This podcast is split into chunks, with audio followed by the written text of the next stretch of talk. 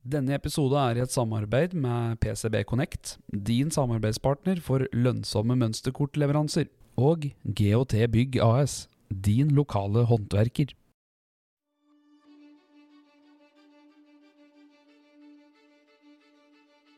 Gå veien sammen med dem.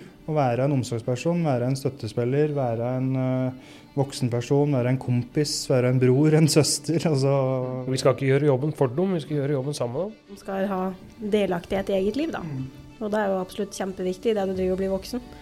For uh, idet du blir 18, så er du jo på en måte voksen. Men uh, vi skulle alle kanskje ønske, når vi ble 18, å ha en litt sånn kompis og støttesetter som har vært der før, da. Ikke være redd å stille ungene dine det spørsmålet. Eller gå og mistenke over lengre tid og bygge opp masse aggresjon eller uh, uvitenhet om hva som foregår om kvelden. Bare ta det med en gang. Du hører nå på Teamup podkast. Mitt navn er Espen Haug, og i et samarbeid med Teamup Helse AS har vi nå laga denne podkasten nettopp for deg. God fornøyelse.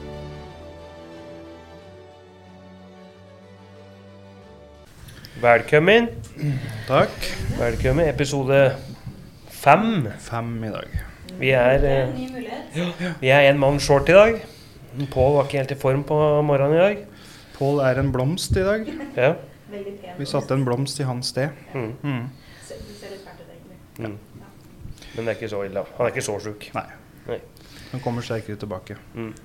Og så ser vi jo Det er litt sånn ekstra koselig i studio i dag, da, for vi ser jo at vi har med mamma i studio i dag. Mm.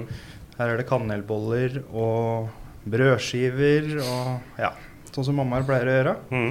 Føles skuffer litt som kvinne, da, når jeg ikke hatt noe på det.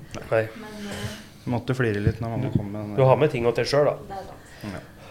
Men jeg hadde jo egentlig med brødskiva til Pål, for han sa jo noe om i den forrige podkasten at han hadde ikke fått brødskive når han var på besøk hos meg. Nei, når han var liten. Så ja. ja, når han var liten, så tenkte jeg på han i dag, men nå er han sjuk, altså. Ja. Ja. Tanken var god, da. Mm. Ja, Hun sitter nok hjemme og smiler når hun hører dette, ja tror jeg. tenker jeg. Spørs om du har blitt merket dette verset der, men Mm. nå er det han som er sånn som deg. Mm.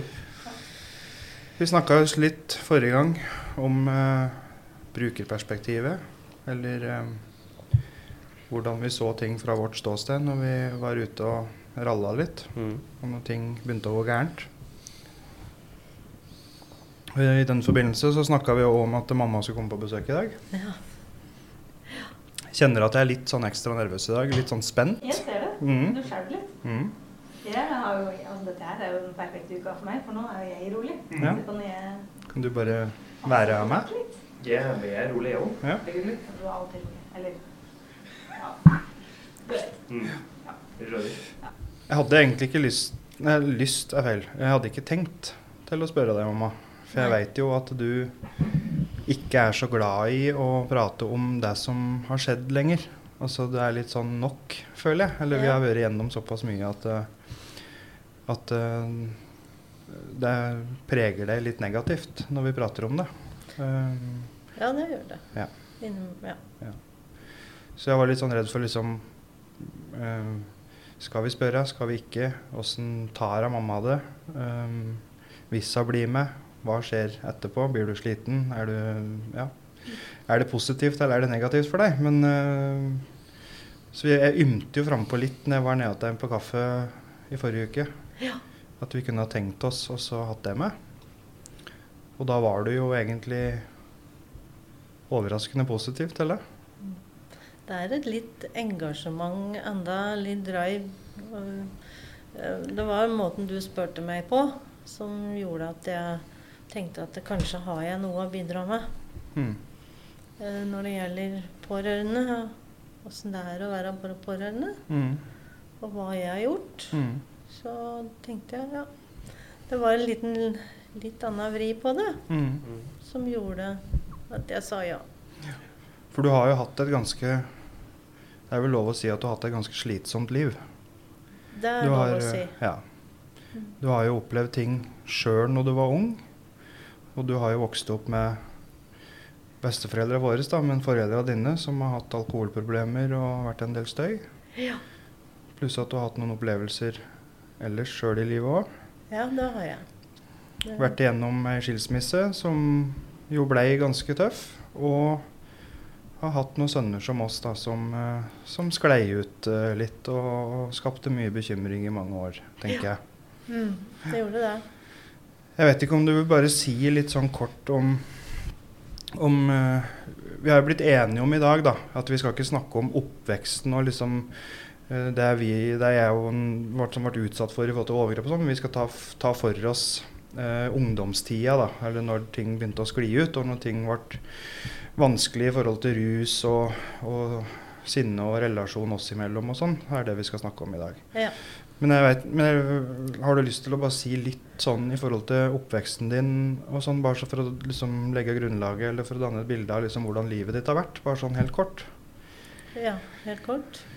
Det var jo mye alkohol og festing og sånne ting i, i barndommen min òg. Mm. så det var jo Men det var vel litt fordi uh, Vi har mistet to søsken, da. Mm. Ei jente på fem år og en gutt på 14. Mm. Uh, og jeg så jo han på 14, han døde. Da Mm. var jeg bare 11 år.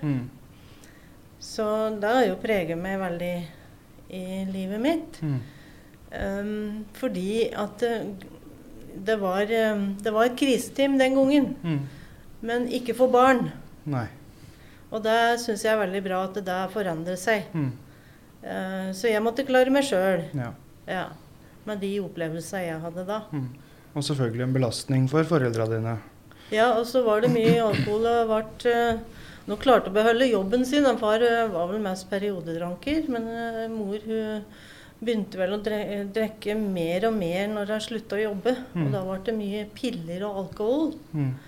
Så det Ja. Så de siste ti åra mor, mor levde, så hadde ikke vi kontakt.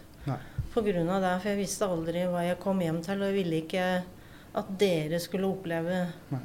den Du skåna jo oss mye i deg, husker jeg. Det var mye unnskyldninger for vi, hvorfor vi ikke skulle komme på middager der og sånn. Ja. Så husker husker jeg det at når, eh, når vi bodde hjemme, så kjøpte vi sånn caller-ID.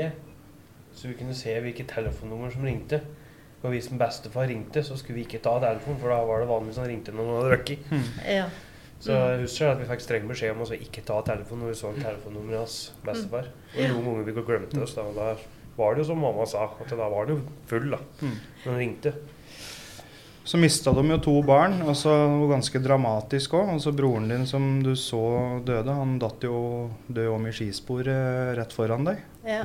Og så hadde de ei datter òg, som òg var en tragisk eh, hendelse. Ja, hun, hun var De hadde ført henne ned til ei venninne, og så skulle mora der følge da hjem igjen etter hvert. Men så rømte hun da. Hun kom plutselig på at nei, nå vil jeg hjem igjen. Og så hadde hun vel bare løpt av gårde og rett ut i veien. Da. Der kom det en lastebil og kjørte han ned. Mm. Så det var, det var den første, da. Mm.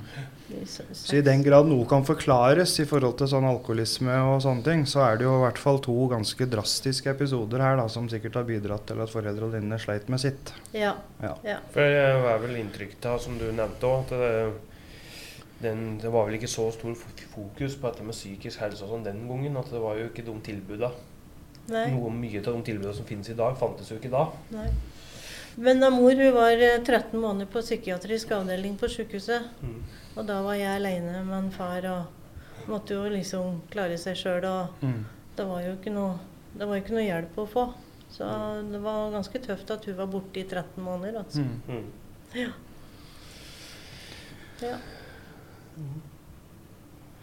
Så ble du gift etter hvert, og så ble du skilt. Ja. Eh, og nå er du gift igjen. ja, nå er jeg gift igjen. Ja. Ja. Og har det bra. Har det veldig bra. Mhm. Mm. Ja. Eh, men Gunnar er min bauta. Mm. Mm. Mm. Ja. Det er jo merket. Ja, som vi fikk etter hvert. Som, ja, som jeg kan lene meg litt på. Mm. For det har det ikke vært for mye av i tidligere liv. Nei. Noen som kan være min støttespiller og min bauta. Mm. Han er det nå. Og så fikk du jo to Nei, eh, du fikk jo tre To, sier jeg. Du fikk jo tre nydelige barn etter hvert. Ja, det gjorde jeg. Det det. Um, jeg kom jo først. Ja. Um, har du lyst til å si litt hvordan vi tre var som små? Ja, det har jeg lyst til å si. Altså, det var tre helt normale gutter for, som ikke Mats har jo nevnt litt om det før, dette med at han var så urolig som liten. Men det opplevde ikke jeg. Jeg opplevde Mats akkurat som, som sine brødre. Og hadde det morsomt. Og, og vi var jo mye ute på tur. Mm. Eh, Vi var vel bare hjemme og spiste middag stort sett. eh, Mm. Når det ikke var eh, i sånn lekepark, da, som Mm. vi kalte det den, den gangen. Vi Mm. var jo litt på det etter hvert. Mm. Eh, men vi var mye ute. Og det tror jeg de har tatt med dere nå senere i livet. Mm. ja. Mm. Vi var jo tette, og vi, vi var mye ute og lekte, vi tre Ja. brødre. Veldig mye. Så jeg opplevde alle tre som helt normale gutter. Mm. Som, Aktive. ja, aktive var det. Men jeg tenker det at barn skal være aktive. Mm. Det er ikke noe Det var ikke noe for mye Nei. av den det, Sånn opplevde jeg det, i hvert fall dere, da. Og så skjedde det jo en del ting. Det har vi jo snakket om før. Ja. Eh, det har vi liksom bestemt oss for at det har vi snakka om litt nå, så det spoler vi litt over. Men det skjedde jo en del ting der som, som gjorde det utfordrende for å være, å være deg òg. Eh, Mm. Mor til eh, en del ting som ikke barn skal oppleve, på en måte. Ja. Og det, det dro du helt sikkert med deg. Og så ble jo vi ungdommer etter hvert. Og så begynte ting å bli litt vanskelig. Eh, først for meg. Mm. Mhm. vi hadde jo mye fighter når jeg var tenåring eller liksom jeg kom på videregående og sånne ting, som, som jeg begynte å ja, hva skal vi si, være oppe om natta, fly ute, hoppe ut av vinduet litt og bli med noen som kom og henta meg. og ja. Mm. Det begynte jo der. Det begynte der. Og du så jo sikkert det. Ja. Men eh, før vi kom dit, så har jeg bare lyst til å si at denne, fra små så skjedde jo det som skjedde. Og jeg har bare lyst til å si litt om hvordan jeg begynte å ane at det var et eller annet som var litt galt. Mm. Og det var Du ville aldri slokke lyset på rommet ditt. Nei. Og jeg spurte hvorfor vil du ikke slokke lyset, Lars? Hva er det som er galt? Men det som du og sikkert kanskje andre barn er veldig flinke til å skjule ting som skjer. Mm. Eh, Du var redd, ikke sant? Jeg var redd, redd for at det der skulle komme fram. Mm. Det, det skjønner jeg. Mm. Um, men eh, jeg, jeg så jo sånne ting som jeg skjønte at du var engstelig. Mm. Så mm, Mm. Det husker jeg. At jeg ikke ville mm, slokke. Og... Ja. Mm. Så det er, sånne ting merker jeg. Mm. Det er jo òg sånne tegn da, som kan komme av noe annet òg. Altså, du tenker jo ikke det verste si, når du står oppe i sånne situasjoner. Da. Nei, det gjør den ikke. Nei. Men så kom det jo sånn etter hvert Ja. enda mer. Ja. Mm. Og jeg og Mats vi hadde jo litt sånn forskjellige utfordringer. Sånn, altså, eh, Mats hadde jo mye sinne i seg. Det var mye opposisjon. Jeg vet jo at du ringte meg mye når han uh, var sint og utagerte. Um, så jeg, var, jeg følte jo litt uh, medansvar på deg, holdt jeg på å si. Mm. Eh, og jeg hadde det jo tungt med meg sjøl. deprimert og dårlig sjølbilde og sånne ting. Og begynte å søke ut i, i negative miljø og negative ting. Og i det så husker jeg i hvert fall for vår del at eh, vi hadde mange fighter. Ja. Mange fighter, men vi hadde en dialog. Mhm. Eh, du Sånn jeg opplevde du må jo bare si om du hadde en annen oppfatning av det, men sånn som jeg eh, tenker i dag, at vi hadde en bra dialog. Du kunne komme hjem igjen, og så kunne du fortelle om ting. Mm. Og få den Følte jeg tryggheten på at du kunne komme hjem igjen. Mm. Men det å, å si Ja, jeg hører hva du sier, men jeg sa også at jeg aksepterer ikke den oppførsel. Mm. Der fikk du veldig sånn tydelig på. Mm. Men, men du kunne alltid komme hjem igjen. Mhm. Og følte jeg, da. Mm. Å få den kjærligheten du trengte oppi det hele. Mm. Men han trenger ikke å akseptere hva, hva uh, sønnen sin driver med for det. Mm. Så hadde jeg lyst til å si litt i forbindelse med Mats og dette du var inne på nå. Fordi det var jo en del sinne der. Og, eh, og jeg forsto det. Jeg visste hvorfor sinnet var der. Og jeg ehm, Men det var spesielt eh, en episode jeg husker veldig godt, og det tror jeg var siste episoden eh, av den måten. Men, men det, det er veldig sinne hvor du, du fløy på meg. Mm. Og jeg klarte å holde deg på avstand og legge deg ned i senga og holde deg der. Og da husker jeg Lars kom flygende Mm. Det husker jeg òg. og, og tok over bare der. Der husker jeg. Og så satte du deg i trappa, husker jeg. Og da sa jeg til deg at eh, Mats, jeg forstår sinnet ditt. Jeg vet hvorfor du har det sånn du har det. Men jeg kan ikke akseptere at du f.eks. har fløyet på meg. Nei. Og så, da, og så sa jeg det til deg at eh, hvis det skal fortsette sånn, så klarer ikke jeg og Klarer ikke jeg den oppgaven at du skal være her, da må andre ta den oppgaven for meg. Ja, det husker jeg du sa. Mm. Og det gjorde det til at du, det var faktisk siste gangen Det ble ikke noe sånn etterpå Nei. da. Du forsto at da Og jeg hadde vel Du respekterte meg såpass mye at eh, at du skjønte. Og jeg hadde satt såpass mange tydelige grenser på forhånd Mm. at du visste at det der mamma sa, sånn ble det. Ja, men jeg, jeg husker den episoden der sjøl òg. Og det er for det første jeg tenkte at da blir jeg, hvis jeg fortsetter sånn, da, da blir jeg tatt av barnevernet. Ikke sant? For det er jeg tenkte da. Mm. For det, og da, jeg skjønte jo det da, at eh, jeg kan ikke holde på, kan ikke drive sånn. Mm.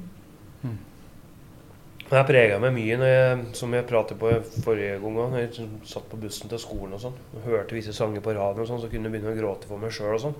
Og det var jo mest for hvor mye jeg hadde påført av mamma hjemme. Mm. At det var litt sånn tøft, Mm. husker jeg. At når jeg kunne, at en begynte å reflektere over det når den begynte å komme i den alderen. Mm. For jeg husker det, jeg husker jo eh, den ene gangen når vi bodde bort på Ulsrud òg, som jeg fløy ned veien i sinne, hvor du kom etter meg og tok meg rundt magen og bærte meg hjem igjen. Ja. Vi hadde på mange måter litt sånn forskjellig reaksjonsmønster på ting. Fordi du var jo ganske mye sint hjemme. Mm. Eller du lot eh, ting gå utover det som var hjemme. Mens jeg søkte litt mer ut. Mm. Altså jeg var ikke så mye sint hjemme. Jeg var ganske rolig hjemme, egentlig. Men jeg drev med andre ting. Eller jeg, jeg farta ut og fikk utløp der ute. Og det jo, det ene er jo ikke noe bedre enn det andre, holdt jeg på å si. Det er jo forskjellige reaksjonsmønstre på samme uroen og, og problema, sikkert. Men, ja. Ja. men i det at jeg begynte å stikke mye ut og, og være borte, der kan jeg tenke meg skapte en del bekymring for deg. Ja, det var veldig Det var fryktelig mye bekymringer og redsel. Du gikk og var redd hele tida. Og får jeg en telefon nå, eller mm. Det var liksom hver helg spesielt, da. Men jeg visste at jeg var på byen, og det var vel den tida jeg var litt gikk litt på byen Mm. for å liksom ja, følge meg litt og, Mm. og sånne ting. Men det jeg mm, gjorde den gangen eh, i forbindelse med det at du fløy så mye ute, det var at jeg var interessert i hva slags venner du hadde. Mm. Så jeg åpnet liksom hjemmet mitt, da. Hjemmet våres. Mm. For de som du var sammen med. Mm. I håp om at jeg kunne gjøre en forskjell for dem. For noen hadde, de hadde ikke foreldre, og de hadde, det var mange forskjellige grunner til at eh, de òg drev med det de, drev med. Mm. Så jeg tenkte at jeg åpner hjemmet mitt, og så, og så ser jeg hvordan disse gutta her eh, er. Og det Du var hadde jo besøk av mye sånne tøffinger hjemme hos deg, for å si, for å si det på den måten. da. Ja. Jeg, jeg hadde det, men det var fine gutter òg. Det var det det var. Mm. Eh, og så var det, gjens, var det gjensidig respekt, egentlig. Altså Jeg respekterte dem, og de respekterte meg. Det var jo ikke sånn at det var eksempel, Jeg kunne legge fram lommeboka mi og veska mi, og det var jo aldri borte noen ting. Eh, så fikk de litt mat, og så Ja. Det hendte jo ofte at jeg ikke spiste middag, for hvis det kom noen ekstra i huset, så fikk de middag isteden. Men så hadde de veldig respekt for deg, for du var veldig ærlig med dem. Hvis de kom der med en blåveis og sånn, så la ikke du noe imellom. Altså du, fortalte, du spurte dem hva de har drevet med, og hvorfor de gjør det de gjør, og om de syntes det var innmari tøft, og, og hva de hadde tenkt å gjøre med livet sitt. holdt jeg på å si. De fikk passet sitt påskrevet og de var innom. Enda det sto tre digre karer på 120 kg i stua di, så sa du det du mente at de var likevel. Ja, jeg var, var jo veldig redd om. Altså, jeg så jo at de hadde mange gode sider i seg òg. Så håper jeg liksom at jeg kunne gjøre den forskjellen at ting kunne bli litt roligere der ute, da. Mm. Mm. Med å åpne hjemmet for dem. Mm. Så det ble jo ikke støtt, men, eh, men de hadde et stand å, i hvert fall å dra Mm. når de trengte det. Mm. Mhm. Og jeg begynte jo med, med steroider etter hvert, og, det, og kroppen min endra seg ganske drastisk på kort tid. Det husker jeg du kommenterte flere ganger uten at Ja. jeg ville innrømme noe eller si noe. Så var jo det noe som du som mor husker jeg reagerte veldig på. Den uh, treningsbiten og den eh, At jeg blåste meg opp uh, fort. Og Ja. det gjorde jo Mats òg etter hvert. Ja. Så det husker jeg du hadde mange tanker om. Ja, det Mm. hadde jeg. Mm. Jeg skjønte at det var, måtte være noe det, det var liksom ikke normalt å se sånn ut bare pga. trening, liksom. Du måtte jo Jeg tenkte jo at du måtte drive med noe. Mm. Men jeg tror ikke du var så veldig rusa på andre ting når du var hjemme. Men jeg reagerte jo på dine svarte øyne, da. For det var jo noe som eh, satt litt i meg. At jeg var veldig sånn obs på øyer pga. at jeg så broren min døde, og han Mm. hadde vrengte øyer. Så det øya er jeg var, vært veldig var på hele tida. Mm. Så, så det så jeg. Mm. Og kommenterte det, husker jeg. Mm. Ikke gjør sånn med øya dine, Lars. Det er skummelt. Du kjente jo faktisk oss på denne tida her du òg, Marte? Eller var det denne tida her du begynte å henge med oss, egentlig? Var liksom helt, ja, helt i slutten var liksom helt i starten da jeg kom inn. Mm. Mannen min kjente dere jo først, og så ble jeg kjent med dere. Han har jo fortalt meg mange historier, han òg. Så jeg kjenner jo alt mye som blir fortalt. Så det er jo, jeg gjør meg opp et bilde i huet mitt. Altså det er liksom artig å se det for seg når du ikke har sett det sånn på ordentlig. Men Ole òg var en spesiell fyr, sånn husker jeg. For han var med oss. Så han gjorde aldri noe, rusa seg eller noe. Han var, bare, han var med og støtte han. Og han og var en en sånn jovial Ja. eh, humørspreder han som hang rundt oss, holdt jeg Ja, på å si. og han og, han og det som liksom kunne komme av bordet til oss samme dyre var, så sier jeg at han skulle holde kjeften din. Mm. Sånn, liksom. Han var slik. Han var sånn Jeg har sånn hørt mye historier om en vesle Lars, og jeg husker faren din og kalte deg for vesle Lars. Og første gang jeg møtte deg, og så gikk jeg omtrent i bakken. Jeg skjønte jo ikke at det var eh, ironi, da. Så jeg husker, jo hvor stor du var på den tida. Det er som en Pål fortalte sist, når du liksom bretta på deg en bil, og jeg husker jo det kjempegodt. Men uh, det første tida var jo ikke jeg med på, da. Jeg var jo med meg liksom siste voksenperioden, da. Mm.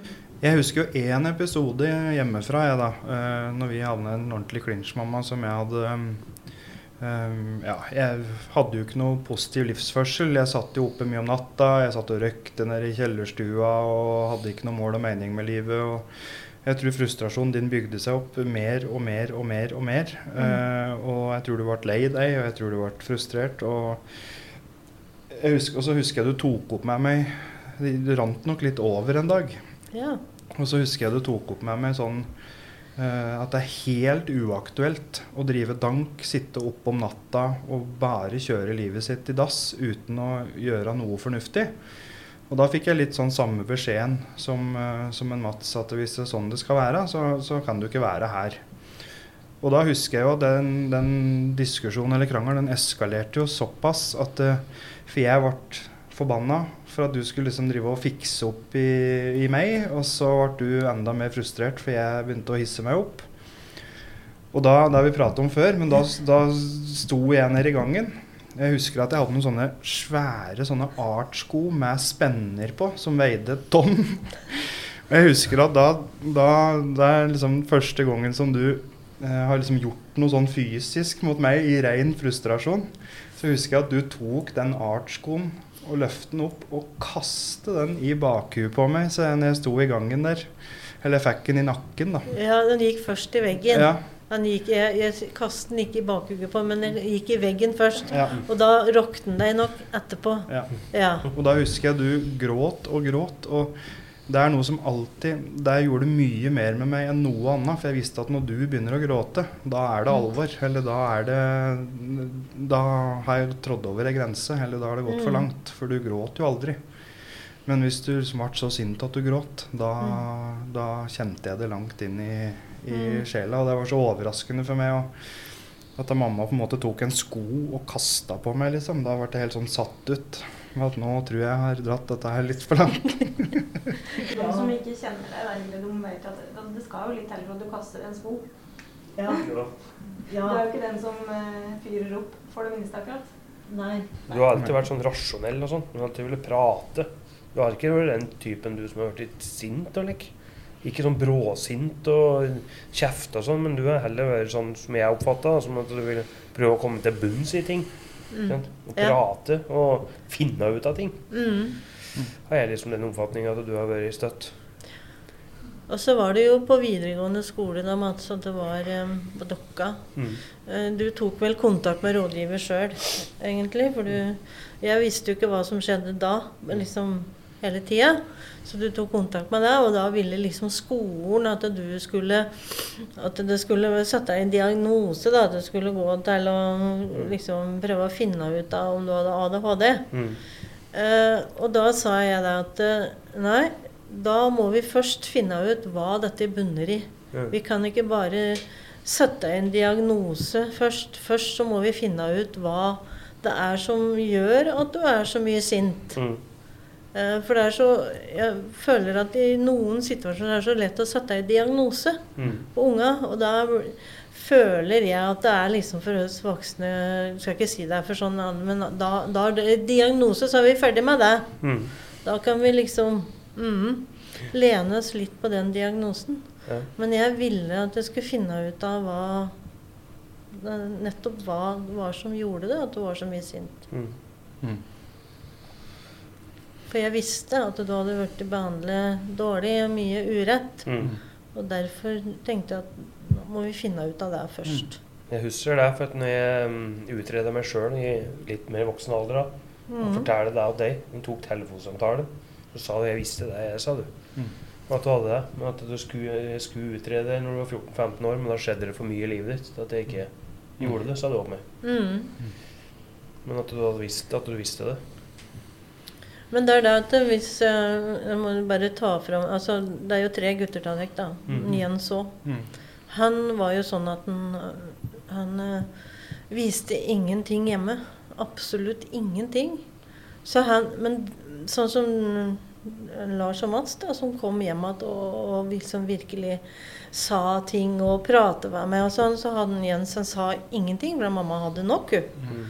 Så, han, så det, jeg tenker um, men Da gjelder jo det ikke alle sammen, men dette å bruke instanser, altså bruke de som jobber på skolen og sånn, det har jeg, brukt til dere. altså når dere var på barneskolen, så Tasken var en fantastisk fin rektor.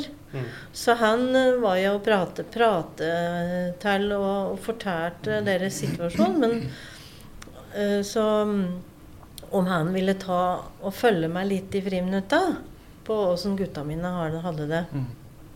Jeg husker Jens når han gikk på Bjørnsven. Da, da mm, var det miljøarbeider der, så jeg spurte der òg kan de ta et lite overblikk. Kan de se om en Jens har det bra?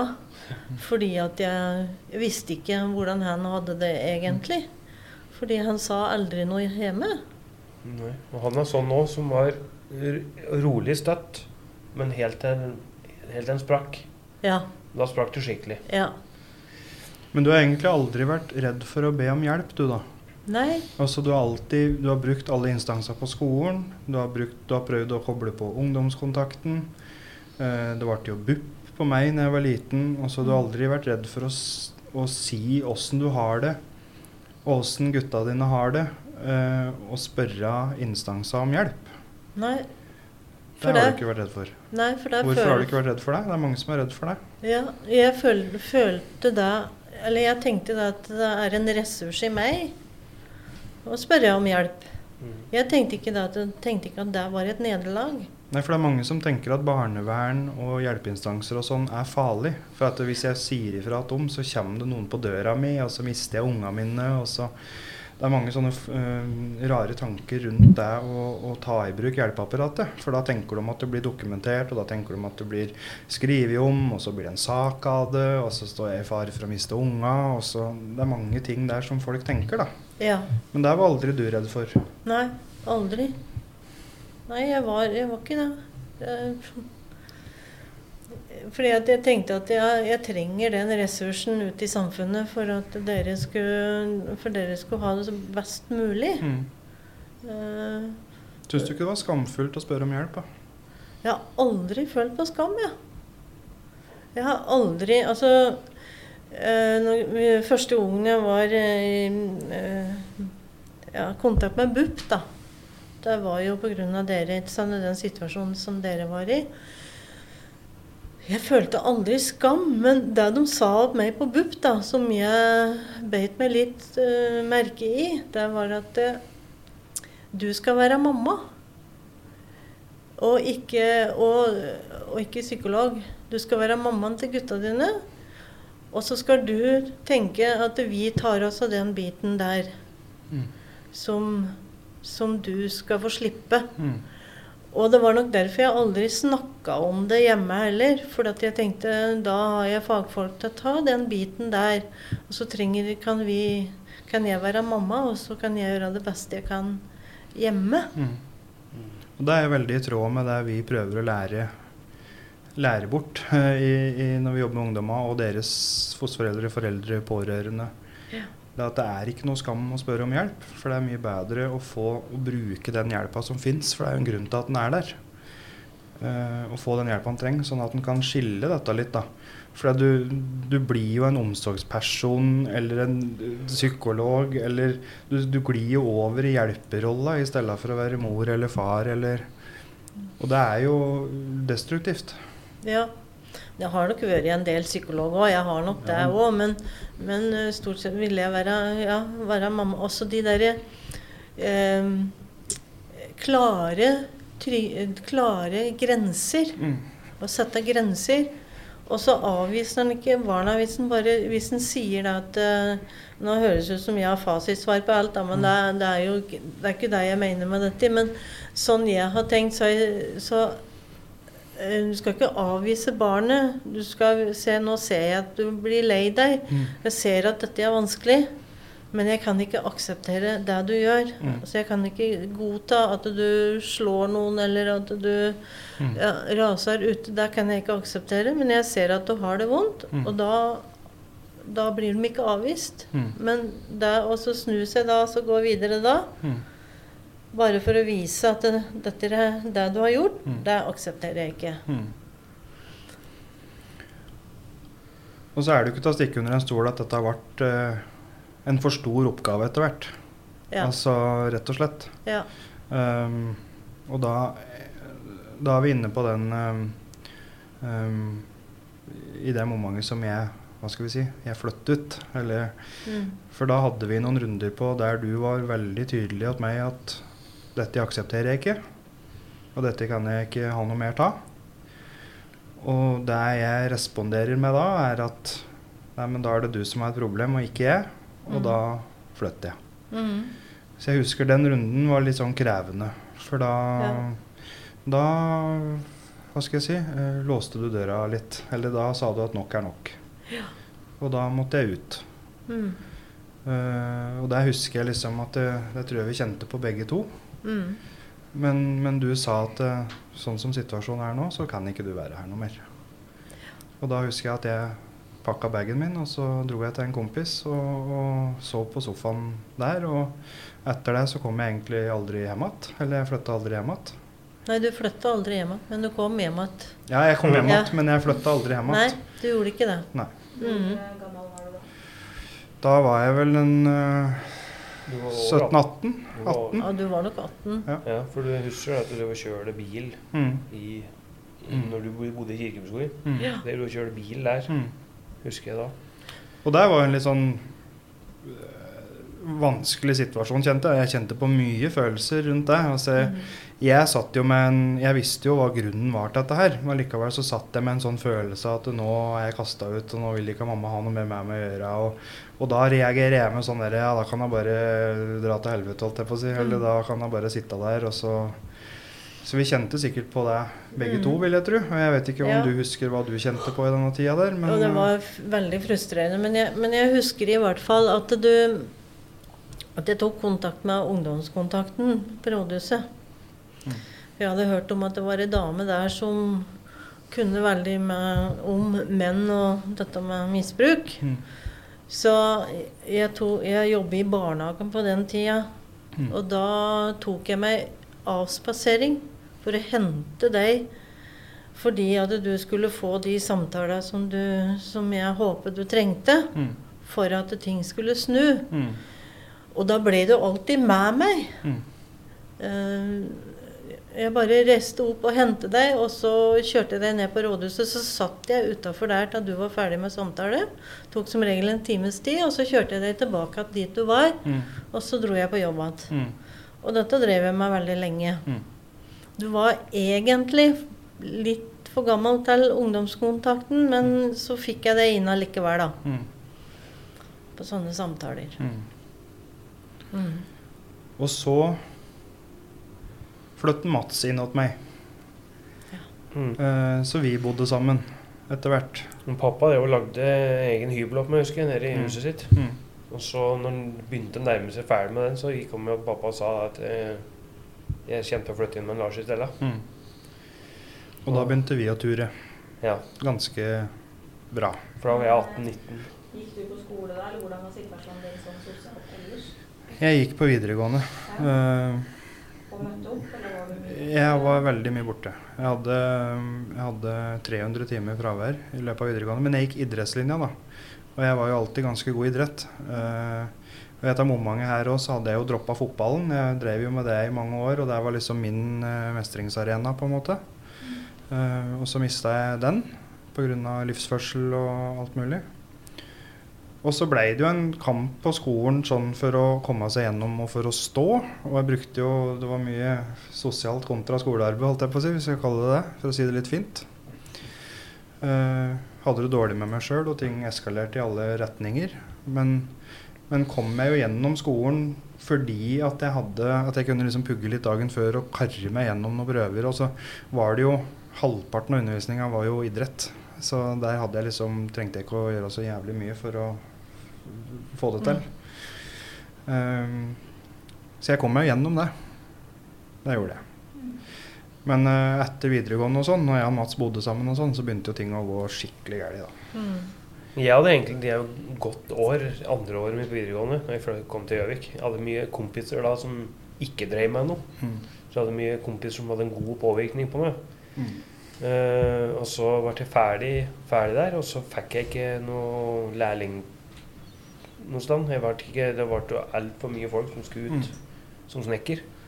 Så husker jeg jobba en del med pappa eh, en, en stund, før jeg da flyttet inn hos deg. da. Mm. Og så begynte vi noe Mm. bedrift og sånn Mm. på egen hånd. Ja. Og da det begynt å skjære seg. Og da begynte jo vi å jobbe i utelivsbransjen. Vi brukte steroider, vi rusa oss, det var sløssing. Det var jo flere voldsepisoder du fikk høre om.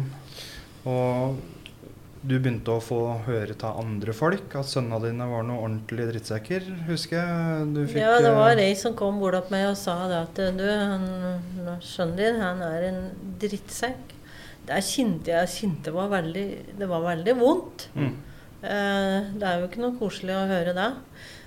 Men, men samtidig så visste jeg jo at du hadde gjort noe som ikke var så veldig greit, da. mm, Så ja, jo, han var vel en drittsekk akkurat da, men, mm, men, men det var det at når du, når du var hjemme, kom hjem til meg, så var du alltid snill. Mm.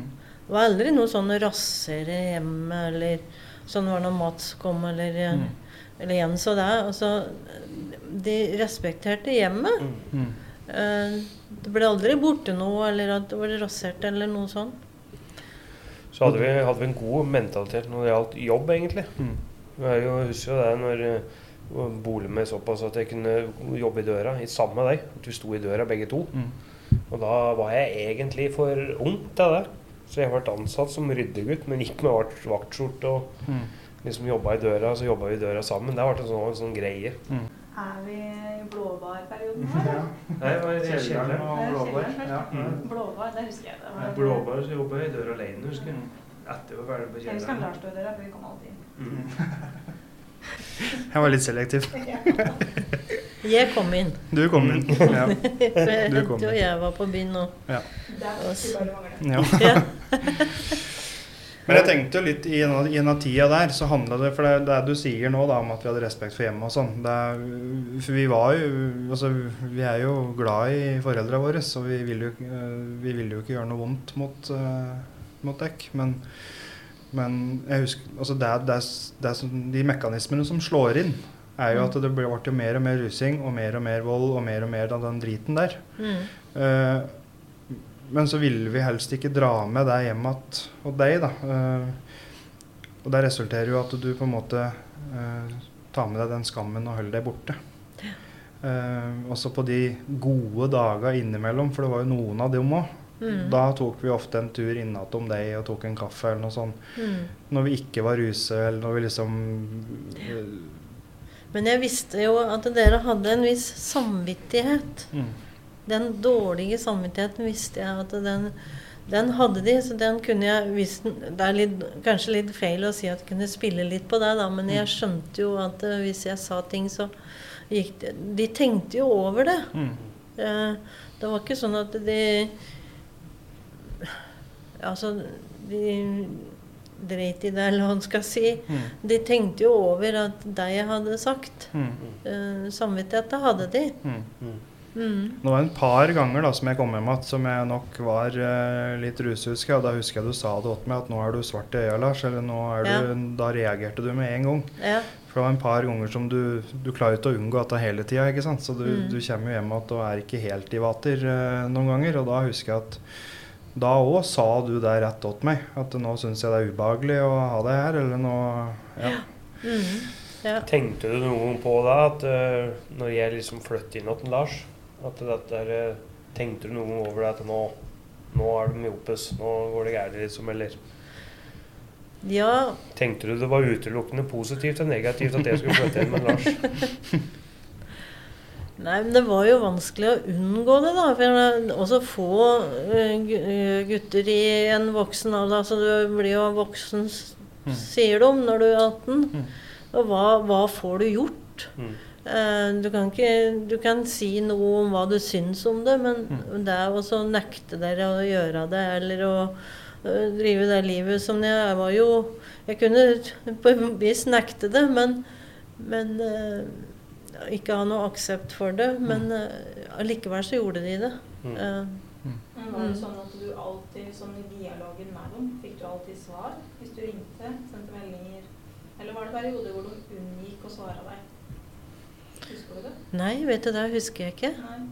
Jeg tenker Jeg Det er jo mye problematikken vi jobber med. Så er det Mm. veldig mange som da ikke får svar, eller som at ungdommer da unngår å svare foreldre, eller det er det verste for foreldrene noen ganger. Ja, det er å ikke men- vite. Mm, men jeg, men jeg, jeg kan ikke huske at de ikke svarte. Nei. Men det var en gang, husker jeg, som jeg husker veldig godt, som jeg visste at Mats var ja, dritings, som Mm. altså var full. Hvor jeg var på utkikk og ville, ville finne han. Um, da hadde de drevet med noen sånne selskapsleker med noe drikking og noe greier. Og, og du var så full, og jeg var så sint. Og jeg husker da at jeg ringte noen jeg kjente. At nå sier de om Mats er igjen. Mm. Og, og da var jeg så sint at de sa Fortalte meg hvor du var hen. Mm. Så jeg var og henta deg da. Mm. Mm. Mm. Det, Men jeg tenker jo litt sånn i tråd, for jeg har jo jobba på en måte i institusjon da, i, i ti år. ikke sant? Mm. Og vi har jobba mye med familiearbeid og sånn. Og der er dette temaet oppe mye sånn Hvordan skal pårørende håndtere eh, ungdom som står i disse situasjonene der? Mm. Og da er det jo ofte at vi snakker om Der kommer jo noen ganger pårørende eller mødre eller sånn inn og holder sånne speaks på familiesamlinger og sånn. Der de snakker opp nettopp dette der at de eh, eh, låser døra til unga sine. For Mm. noe av det vanskeligste som forelder, tror jeg, er at du så veldig gjerne vil hjelpe, og du, du gir penger, og du slipper dem inn og gir dem mat, og du Og det du egentlig gjør da, er jo å sørge for å opprettholde et rusforbruk, eller eh, opprettholde negativ livsførsel, eller du gjør det lett for ungdommen å på en måte fortsette i den samme tralten, da, hvis du alltid har tilgang på penger og mat og husrom og sånn når du trenger det. Mm. Uh, og der er vi jo inne på dette med at du låste døra til gutta dine. holdt jeg på å si. Nå setter jeg det litt på spissen. da. Du var jo Mm. alltid velkommen hjem igjen hvis vi ville det, men du, du sa jo at nok er nok. Ja, nok er nok, sa jeg. Ja. Og det er jo på en måte der vi eh, anbefaler litt når vi jobber med ungdommer som har den utfordringen som jeg og Mats hadde. da. Fordi at uh, du må på en måte uh, sette deg i grense. Og så er det viktig at du alltid forteller ungen din at du er glad i den, og at du har omsorg for den, at du bryr deg, og at den alltid er velkommen til å snakke om ting. Og på en måte, Det er litt det du sa, da. Jeg Ja. aksepterer ikke det du gjør, men jeg er uansett glad i deg, og du er uansett velkommen i mitt liv. Men du får ikke lov til å bo her lenger, og du får ikke noe mer penger av meg. Mm. Og det er jo litt sånn i tråd med anbefalingen av det vi pleier å si. Men det er jo noe av det vanskeligste en forelder gjør, da. Ja, det er veldig vanskelig. Ja. Det er det. Eh, Jeg vet ikke hva jeg så mye jeg skal si. Men eh, jeg husker en situasjon hvor det ekskalerte helt. Hvor det at vi måtte rømme vi måtte rømme hjemmet mitt og være med dere og gjemme en bil. Mm. Fordi det hadde vært noe og, trøbbelen i byen. i trøbbel i byen. Mm. Og jeg hadde jo en, eh, min kjæreste hjemme, og jeg måtte jo skåne han òg, tenkte jeg. Eh, det var jo fryktelig Vi ble jo så redde. Mm. Eh, og jeg ble med, med dere på den turen og, og tenkte at det kommer det noen her, så skal jeg nå i hvert fall ta dem. altså, men jeg var jo inn, jeg var innmari redd. Jeg har aldri i mitt liv vært så redd noen gang. Men etter den episoden så sa jeg da at, uh, at deg, Lars Hvis du skal fortsette sånn, så kan ikke jeg være mammaen din lenger. Mm. Og da sier du Nei, men det mener du ikke, mamma. sa du. Jo, det mener jeg. Mm. Og da, visste, da visste Fordi at jeg hadde på en måte lagt et grunnlag for dette med gjensidig respekt og Mm. sånn gjennom tydelige grenser og, Mm. og sånn i oppveksten. Ikke urimelige grenser, tror jeg, Mm. men veldig tydelig. Mm. Det er veldig forutsigbart. Mm. Så visste du at eh, nå mener jeg mamma det. Mm. Jeg kjenner jeg blir sentimental, for at hver gang vi prater om akkurat denne episoden her, så kjenner jeg tårene presser på. Ja, Og det er sånn ja. Ja. Jeg så du bare ble berørt med en gang. Ja. Det er- seg Det er ganske tøft å måtte si det som mamma, men jeg tenkte det at det må, det må du mene. Og det er i håp om at nå, nå må du snus. Og så ble du vel tatt av, av politiet òg, og så Mm. pluss at du hadde fått den beskjeden av meg. Og så det er alt som var der. Men det er klart, det, det er vi, jeg som mor, da, mm. er jo helt avhengig av at det som du sier og gjør, Mm. til slutt blir en reaksjon fra, de, fra dere, da. Mm. Sånn at dere tenker at nei, nå må jeg snu. For den, for den det jeg tenker, at jeg er helt avhengig av at dere tar et valg. At Mm. dere tok et valg. Mm. Altså hadde jo situasjonen vært helt annerledes i dag. Jeg tror det viktigste som, som forelder er at du står for det du sier. Ja. Eh, for det Uansett hvor tøft og vanskelig det er. Sliter du med rus og sånne ting, så det du overlever på, er at du blir en mester til å manipulere og spille på følelser og samvittighet. Og hvis foreldra da går tilbake på det de sier hele tida, Mm. så fortsetter runddansen. Ja. Eh, For da er det aldri noe, noe endepunkt på det. Da er det bare en medavhengighet og en opprettholdelse av en dårlig livsførsel. Og jeg husker jo denne, denne episoden er innmari godt, for det, det satt jævlig langt inne å ringe deg og si at nå er det ordentlig bell mellom oss og noen inne i Oslo. Og nå er det fare for både meg, Mats og familien vår. Så nå må dere faktisk eh, De er i byen her nå, og nå må dere ut av huset deres. Eller jeg vil ikke at det skal skje dere noe, så dere må rømme. Og Jeg husker jo at dere måtte kjøre bilen deres opp på videregående skolen og sette den der, slokke alt lyset i huset deres og rett og slett rømme fra huset deres. Mm. Og det å ta den telefonen åt deg, da, og si det, det, det husker jeg var helt forferdelig. Jeg husker at hele den episoden der var jo forferdelig. Men, og, og da er vi tilbake på det jeg blir berørt av. For Mm. etterpå så sa du rett til meg at, eh, at jeg kan faktisk ikke være mammaen din lenger. Mm. Mm. Ja. Det sitter ganske langt inne. Mm. Jeg tenker jo at som sånn du har oppdratt gutta dine, da, det er jo utrolig mye lærdom i det. Du har gjort det helt riktig med det at de kan være ærlige, men at du sier tydelig fra at eh, du ikke aksepterer det. da. Mm. For det er jo veldig mange som ikke klarer det. For de vil jo det beste for ungene sine, men de klarer ikke alltid å se hva de må gjøre for å få det til. Mm. Så var vi, så var vi litt heldige òg, for pappaen vår så var jo sånn. Han husker jo det at det var Eurasia i huset hans sånn. Han sa at skal dette fortsette, så må vi bare flytte ut. Han sa det at meg at det var en periode som jeg bodde hjemme igjen der. Når du fikk deg samboer og sånn, så jeg bodde hjemme. Det var jo akkurat samme med han. At når politiet kom dit, så han tok dem imot, han. Og han ringte opp meg og sa at nå har du besøk. Mm. Og spurte jeg hvem da. Politiet er her, sånn.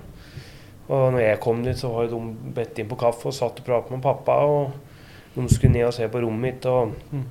og legge ting. Og det var jo ikke noe, for det var jo den perioden hvor vi liksom trappet Mm. ned Mm. og skulle gi oss. Men da sa jo pappa at dette går ikke, du må flytte ut, liksom. Mm. Så han var jo òg sånn Han hadde ikke noe sånn der eh, uttrykk for liksom hva som var rett og galt, men han hadde sin måte å vise det på. Og det var sånn at dette her aksepterer jeg ikke, så det må du bare flytte. er utrolig tøft, da. Ja. Men jeg tror mange foreldre har samme problematikken som dette her, og kjenner seg veldig igjen i deg. Mm. Og at de kanskje ikke klarer å ta det til siste valget. At det Mm. bare fortsetter fordi de ikke klarer å sette ned beinet, for de er jo så glad i dem og vil Mm. hjelpe dem. Mm. Mens innser kanskje ikke sjøl at de da bare bidrar til å fortsette problemet. Du blir en slags medruser. Mm. Hvis det at du legger alt til rette for både med penger og alt at det, eh, det Ja. Det var jo, det, det gikk jo så langt at For du hadde jo møtt en Gunnar, du som vi pratet på litt i stad, mm. i dette om å- ja, i dette tidsrommet her, som du måtte stikke fra huset og alt dette greien. Så det er jo faktisk nesten så du ikke ble gift. Eller det er nesten Ja. så du ikke hadde vært sammen med Gunnar i dag. For han eh, Gunnar måtte jo ja. gå noen runder med seg sjøl og visste ikke om han taklet dette greien her. Mm. Det Ja. Mm. Mm. ja, han fortalte det. Det var veldig tøft for han òg. Men han er her, han òg, i dag. Ja, han er, han er der i dag. Mm. Ja. Ja, vi er glad for det òg. Vi vi òg. ja. Prater dekk mye om det? Åssen Om dere skulle liksom gå videre sammen, eller om eh, det er alt som du, skjedde? det, det var så mye som skjedde da, så jeg, jeg vet ikke. Men han hadde nok, han, han nok nevnt det, ja. Mm. ja. Helt sikkert. Mm. At vi prater litt på I hvert fall i dette momentet der hvor denne tøffe episoden var. Mm. Så, så var, det nok, eh, da, var det nok da vi pratet på det. Var på bristepunktet. ja, Jeg var på bristepunktet, ja. Mm. Var dette her lenge før du faktisk bestemte deg for å endre? Nei, en par, et år eller to før, tror jeg. Ja, Ja. såpass. Mm. Mm. Men da har jeg lyst til å spørre deg, da, for dette er jo mange foreldre som, som ikke klarer å si at nok er nok. Mm. Tror du livet ditt hadde vært, eller åssen hadde du hatt det hvis du hadde fortsatt å leve i dette der, mm, leve i våres liv, holdt jeg på å si? Eller fortsette at vi var hjemme, fortsatt at vi kom rusa, fortsatt at vi tyna deg for penger, fortsatt at vi hadde bodd i kjelleren din, eller åssen hadde livet ditt vært? Åssen hadde du hatt det i dag da, tror du? Det hadde vært helt forferdelig. Så det Ja. Jeg vet ikke hvordan Det hadde vært helt, helt Måtte du si nok er nok for din egen del? Ja, jeg måtte jo det. Mm. Ja. For du var på tur ned sammen med oss, på en måte, fordi at du lever deg så inn i det? Ja, så da, han er jo, som Marte sier, er så glad i unga sine at uh, når du får barn, så er jo det det største i livet. Det er jo, og, og du vil jo gjøre alt du kan for unga dine. Mm. Så Nei, og jeg er i Hadde vært igjen i dag, det vet jeg ikke. Men eh, det, er- det er vanskelig å svare på, altså. Mm. Er det noe du angrer på? Er det noe du tenker at du skulle gjort annerledes? Har du sett med en tanke på det nå i senere tid? Nei, jeg har, jeg har, ikke, jeg har ikke det. Nei. Fordi at eh, de tinga jeg gjorde, har gitt de alle resultater. Jeg har tre kjekke sønner i, i, i dag som klarer seg bra sjøl, og, og veldig godt å slippe å eh, å ordne opp i ting. Mm. Mm. Dere klarer dere så fint sjøl, Mm. alle tre. Og det er godt. Og da har jeg liksom sluppet litt ansvar, jeg, da føler jeg. Og så er det noe med tenker jeg òg at vi, som foreldre så må du gi slipp sjøl òg. Mm. Hvis, hvis en kan si det på den måten. Ja. Ikke gi slipp på kjærligheten, men Og så tenker jeg det som, som er veldig viktig for meg å få fram, at om jeg har gjort alt dette her i disse åra her, så skal ikke sønnene mine være evig takknemlige overfor meg. I dag så skal det være litt uforpliktende kjærlighet, kaller jeg det. Mm. At du på en måte Du skal ikke skal leve livet Mm. og ha det bra, gjøre ting for seg sjøl som er bra. Og prate om andre ting. For det er litt fort gjort å bli stuck i fortida òg. Ja, At når vi samles i noen settinger, så liksom kommer disse temaene her opp, og så begynner du å prate og mimre. Og, og det er jo destruktivt. det er veldig destruktivt. Og det er klart, jeg har jo de Altså, jeg tenker jo på fortida. Jeg gjør jo det innimellom. Det er ikke til å unngå det. Mm. Men jeg sier opp meg sjøl at du tar deg bare fem minutter, så får du prøve også å koble litt ut. Mm. For det er destruktivt Mm. å, å drive og tenke på alt det der Mm. hele tida. Men så får en være glad for at uh, kanskje har gjort noe riktig, da. Mm. Sånn at det har blitt som det har blitt i dag. Mm. Og bidratt med noe. Et par barnebarn har du fått òg. Ja, jeg har jo bare ni, da. Kanskje de to. Mm. Jeg har lyst til å ta, for jeg har fått eh, innsendt eh, spørsmål. Og det har vi jo på en måte pratet om nå, egentlig. Men jeg har lyst til å konkretisere det. For så lenge folk sender inn spørsmål, så jeg har jeg lyst til å, å ta det. Ja. Uh, og da har jeg spørsmål som følgende Um, Det er mange går og tenker på, skal vi se um, Hvordan snakke med og være sammen med en som sliter, er det ene spørsmålet. ja. Råd, tips eller feller? Spørsmålstegn, står det der. Hvordan tenker du at en skal snakke med og forholde seg til noen som sliter? Ja. Altså, jeg tenker at det er veldig viktig med en åpen dialog. Ikke være redd for å stille spørsmål. Sånn som jeg, eh, hvis, hvis jeg vet at det er en som er veldig nede, Mm. er veldig depre, eh, deprimert, Mm. eh, og kan si at ting går opp og ned. Mm. Og da spør jeg ja, når det er ned, er det slik at du har tenkt at du og ønsker å ta livet ditt? Mm. At du ikke orker noe mer? Sånne ting spør jeg om. Mm. Være åpen. Mm. Eller når du forholdt deg til oss, f.eks. Hvordan, hvordan tenker Ja. du at du forholdt oss i forhold til rus og i forhold til de utfordringene vi hadde? da? Um, hvordan vil du sette ord på hvordan du snakka til oss, eller var rundt oss? Ja, altså å være åpen da, og være, være bevisst på at det er et rusproblem. Mm. Direkte, kanskje? Være, Være. veldig direkte Mm. om at eh, her er det et rusproblem. Ikke pynte på ting Ikke og late som at det ikke fins. Ja.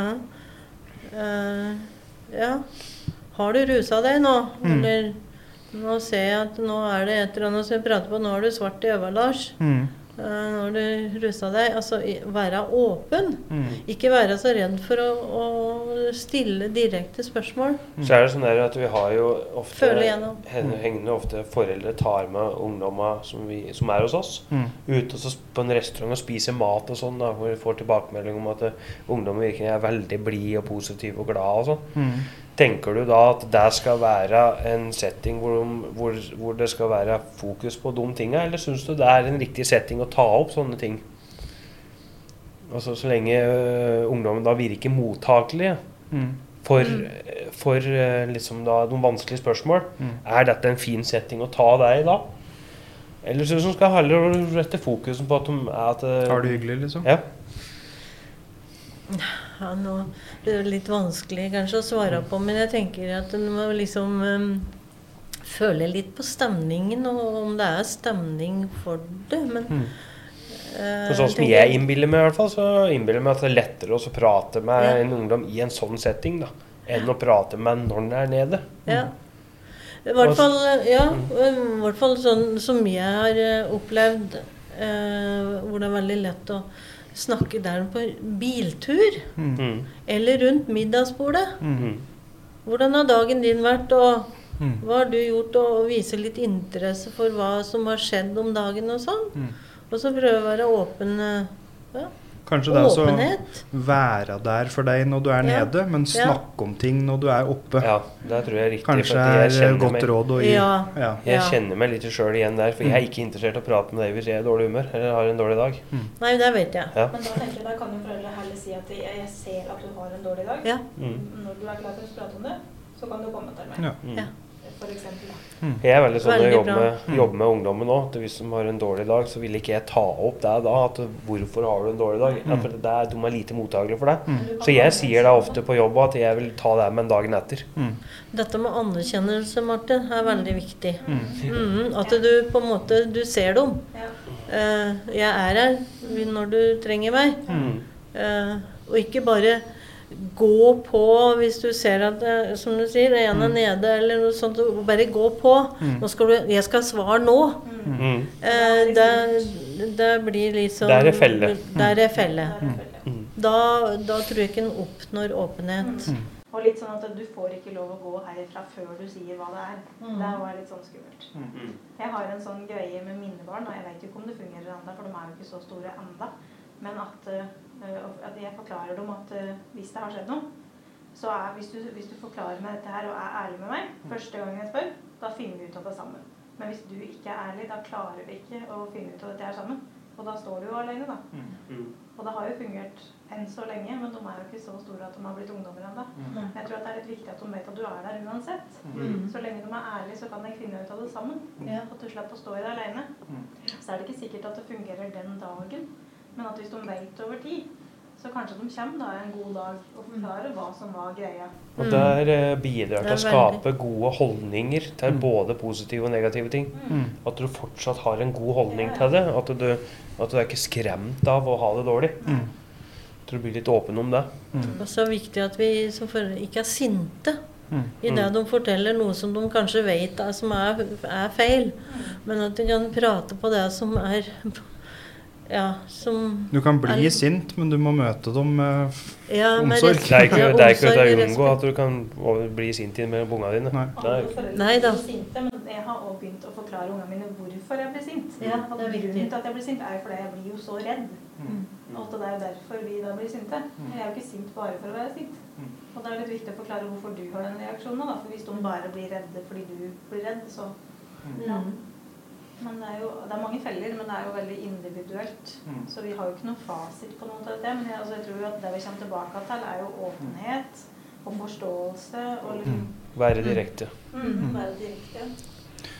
Det er sånn, viktig. For å være, hvis jeg skal være helt ærlig og sånn, har du noen gang kjent på når folk kommer mot deg da, fortell hva sønnene dine har gjort, og, og hva de driver med. Og har du noen gang kjent på Har du noen gang kjent på skam? Eller kjent på at du er eh, eh, Fader, at dette, sønnene mine driver sånn, eller liksom syns det har vært ubehagelig, liksom sånn derre at du, du kjenner nesten på det de sier, at du er enig i det de sier, holdt jeg på å si. Ja, Ja. det var jeg litt inne på i stad, men Mm. jeg, jeg tror ikke jeg har kjent på skam. Det men at det er ubehagelig, ja. Mm. Det har jeg kjent på. Mm. Eh, Du syns ikke det er morsomt å høre med sønnene dine når du er helt imot vold og alt mulig sjøl? Mm. Så det er ikke noe hyggelig. Du, du får litt vondt inni deg. Det er, det er, det gjør den. Mm. Mm. Mm. Men det er òg det, det som jeg tenker som jeg hadde lyst til å si litt, om den gjensidige respekten. At uh, om barna dine er små, så ha litt respekt for de, altså det sånn, Jeg har lyst til å nevne bare en episode Mats, som vi hadde ja, For at jeg kan jo ikke si at jeg aldri blir sint, for det har jeg vært. Ja, Ja. Uh, Jeg husker en eh, episode hvor du kalte meg for noe på F og I. mm, En jævla F-I, ja. mm, Og så en jævla H. mm. O. Eh, så hvor jeg sa det, Sånn snakker du ikke til mammaen din. Mm. Og så sier du at uh, Ja, men du kaller jo meg en jævla drittunge. Og da møter du deg sjøl litt grann i, i døra. Så Mm. ble vi jo enige om, du og jeg, at vi skulle vi, Ingen av oss skulle si sånne stygge ord. han. Og så gikk det en stund, og så sa jo de du disse her orda igjen. Og så sa jeg, men ble ikke vi enige om var, Du skulle jo ikke si sånn. Ja, men du sa jo det til meg her en dag, at jævla drittunge. Åh, da tenkte jeg ja, det var, da var, hadde vi brutt i avtalen begge to. Mm. Så da Ja. Dette med gjensidig respekt Mm. uh, syns jeg er veldig viktig. Mm. At eh, vi, vi som voksne, vi har ikke eh, det, vi har ikke lov til å kalle ungene våre for noe dritt. Mm. Eh, da skjønner jeg jo at du får jo igjen litt òg. Mm. Du skal ta imot tilbakemelding fra ungene dine òg. Det er ikke sånn Ja. en enveiskommunikasjon. At Ja. du, vi voksne kan si hva vi vil, og så skal ungene bare tåle det. Ja, Ja. det er jeg, det er jeg mente med dette. Mm. Litt sånn gjensidig res respekt. Ja. Åssen har du det i dag, da, mamma? Ja, ja, jeg har det jo bra, men jeg sliter jo med utmattelse, da. Og det er en ganske ensom sykdom å ha, egentlig, fordi det er vanskelig for andre å forstå det. Mm. Eh, at du kan bli sliten av det sosiale. Eh, Kommer det av belastninger, tenker du? ja, men også eh, Men også at jeg har hatt en hørselhemming siden jeg var lita jente, og den ble ikke oppdaget før jeg var 49, så jeg var med på en undersøkelse der på Hørselforeninga, og, og der står det at du også kan få de utmattelses... Mm. det, så det er en sånn kombina kombinasjon av flere ting Mm. at jeg har fått utmattelse, da. Mm. Og så har jeg de tegna på posttraumatisk stressyndrom òg Mm. i tillegg. Så, Mm. men, eh, så det er noe jeg må leve med, og det er ganske tøft da, Mm. når du har hatt en drive i det hele livet. Mm. Eh, for det har jeg. Mm. Altså, jeg har aldri tenkt på ting Jeg legger fortida bak meg. Og så, du prater jo litt på deg i en podkast her en gang før, Mats, at du hadde den der driven i deg. Mm. Uh, og, og den har jeg jo alltid hatt. Mm. Men den uh, driven er jo ikke så mye av nå, da, i og med at jeg har de utfordringene jeg har. Hvis jeg ikke blir sparket litt i ræva, da. Da kan jeg fort få et litt drive Eh, Ja. på noen ting. ja. Vi har jo noen som utfordrer oss litt grann på Mm. du, Mats, ja, på ting. Men, Men det at vi sitter rundt bordet her i dag, det vil Ja. jo si at vi har kommet ut helskinnet på andre sida. ja. Um, og det skaper et eller annet håp, tenker jeg da. Mm. Noen arr har det jo. At det er ikke umulig uansett hvor gærent det er, så er det, så er det håp. Ja, det er håp. Ja. Ja. Så, Og vi har jo et godt forhold i dag. vi har veldig godt forhold i dag. Mm. Men så, men så er det sånn at eh, Jeg har aldri følt meg stolt jeg, over alt jeg har gjort. Det er en sånn vanskelig, vanskelig følelse å si at jeg, jeg er stolt av meg sjøl. Mm. Men i det jeg ble spurt da, om å få være med på denne podkasten her, så tenkte jeg Kanskje jeg får den følelsen nå, Mm. Mm. av at jeg har gjort noe riktig i livet. Mm. Eh, som har bidratt til at vi har det forholdet som vi har i dag. Eh, Jeg tror litt av clouet at vi har det sånn i dag, er at uansett hvor gærent ting er, da Så uh, det å si at du er glad i noen uansett, altså det er sånn ubetinget kjærlighet mm, Uansett om du låser døra, eller om det stormer, eller om vi krangler, eller om Det er, det er at liksom at jeg kan gå rundt og vite at mamma er glad i meg uansett. Ja. Der, der legger jo en sånn grobunn for at liksom når det, hvis en klarer å snu rundt på ting, da, så ligger den kjærligheten der enda. Mm. Og, og det er jo noe som gjør at vi kan ha et godt forhold i dag. Mm. For du har jo aldri sagt at du hater oss eller ikke er glad i oss lenger, uansett hva vi har drevet med. Nei, du har aldri sagt det. Nei. Og det jeg vet at du har svart deg til andre folk òg, som har kommet til deg og sagt at liksom, altså, jævla sønna din' og sånn og sånn. Så har du aldri du har alltid forsvart oss, eller du har alltid sagt at ja, men det er mye godt i dem. Eller det er, de er Mm. fine gutter, egentlig. Ja. Når Mm. jeg kjenner dem, det gjør ikke dekk. Mm. Og du har alltid liksom stått på barrikaden for at, eh, at vi er ålreite gutter uansett hvor mye dritt folk har sagt til deg. Ja. Mm. ja, det har jeg. Mm. Og jeg har jo vært glad i deg uansett. Mm. Men den kjærligheten, den, eh, ja, som du sier, det har jeg prøvd å vise. Mm. Og det Gi klem og kos og stryk og Mm. sånne ting er jo veldig viktig. Å vise det underveis. Nå har ikke du brukt ordet ditt i dag, Lars. Nei, kanskje vi skal gjøre det, da. Kanskje vi skal gå inn for landing. det er vel på tide å kanskje gå mot en avslutning, da. Avslutningsvis. Mm. Ja. Skal vi koble på en eh, Espen litt i dag òg? Ja, vi må det. Vi må alltid ha tilbakemelding fra Espen. Han sitter jo og lytter på oss uh, uke etter uke, han, og styrer spaka og ja. Ja, jeg gjør jo det. Hva syns du om dagen? Dagens? Nei, altså, jeg er jo Jeg syns at dette her eh, flyter jo veldig bra. Eh, og jeg har jo hørt mye om eh, mamma, da, eh, gjennom dekk. Du og- gliste litt i dag du òg, når han kom med brødskiver og Ja, jeg gjorde det. Altså, hun kom jo med brødskiver og kanelsnurrer og hele pakka, og det gjenspeiler jo òg det, dere Kar fortalte om hun at hun er veldig eh, omtenksom og bryr seg om andre. Eh, Mm. Kanskje litt mer enn framfor seg sjøl innimellom. Og Mm. dette her, så Du hørte det at hun hadde ikke med noen brødskiver og døst, men hun hadde med en Pål. Hadde man Pål, ja. ja, nei, altså, jeg, jeg tenker jo Vi har jo pratet på mye viktige temaer her, og det med pårørende og, og hvordan man skal takle ting og forholde seg til ting. Og jeg tror òg det viktigste er at den er åpen mot unga sine og eh, gi og ta, da. Mm. eh, er kanskje det jeg sitter opp med som viktige punkter. Og, og dette å vite hvem eh, gutten eller jenta henger med for å danne seg bilde over hvem er venn av, er viktig. Mm. Så ja, jeg tenker at åpenhet er jo kanskje et ja, nøkkelord, da, hvis jeg mm. må få komme med tilbakemelding. Da. Mm. Og tydelige grenser, kanskje. Å være direkte. Ja. Mm. Hvordan syns du det var, mamma, å være med på podkast første gang i livet? Jeg syns det var uh, har egentlig vært ganske avslappet. Mm. Jeg var litt overrasket over at jeg skulle ta det sånn. Mm. Litt sommerfugler hadde jeg før jeg kom hit og liksom kom innpå her, men det, ja. Jeg så du satt og tvinnet tommeltotter når vi begynte. ja, men du skjønner at jeg begynner å bli så gammel at det gjør jeg innimellom. Men det gikk eh, 20 minutter, så hadde du sluttet med det. Mm. Ja. Jeg har fortsatt ikke slutta med det. Nei. Så- Nei, Du har sluttet og fikret med mye med fingrene dine i dag. Ja, du skal ikke si noe som driver med den ledningen, da.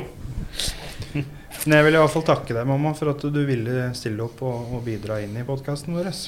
Og jeg sitter igjen med en veldig god følelse Jeg og syns dette har vært veldig fint. Mm. Jeg er veldig glad du stilte opp. Mm. Jeg tror du kan- også, Mm. Ja. Jeg håper- seg veldig igjen i deg. Mm. Jeg håper at jeg var tydelig, tydelig og kan bidra med noe Mm. utad. Mm. Ja. For det er jo det jeg Sånn jeg er. At jeg hele tida vil bidra med noe. Mm. Ja.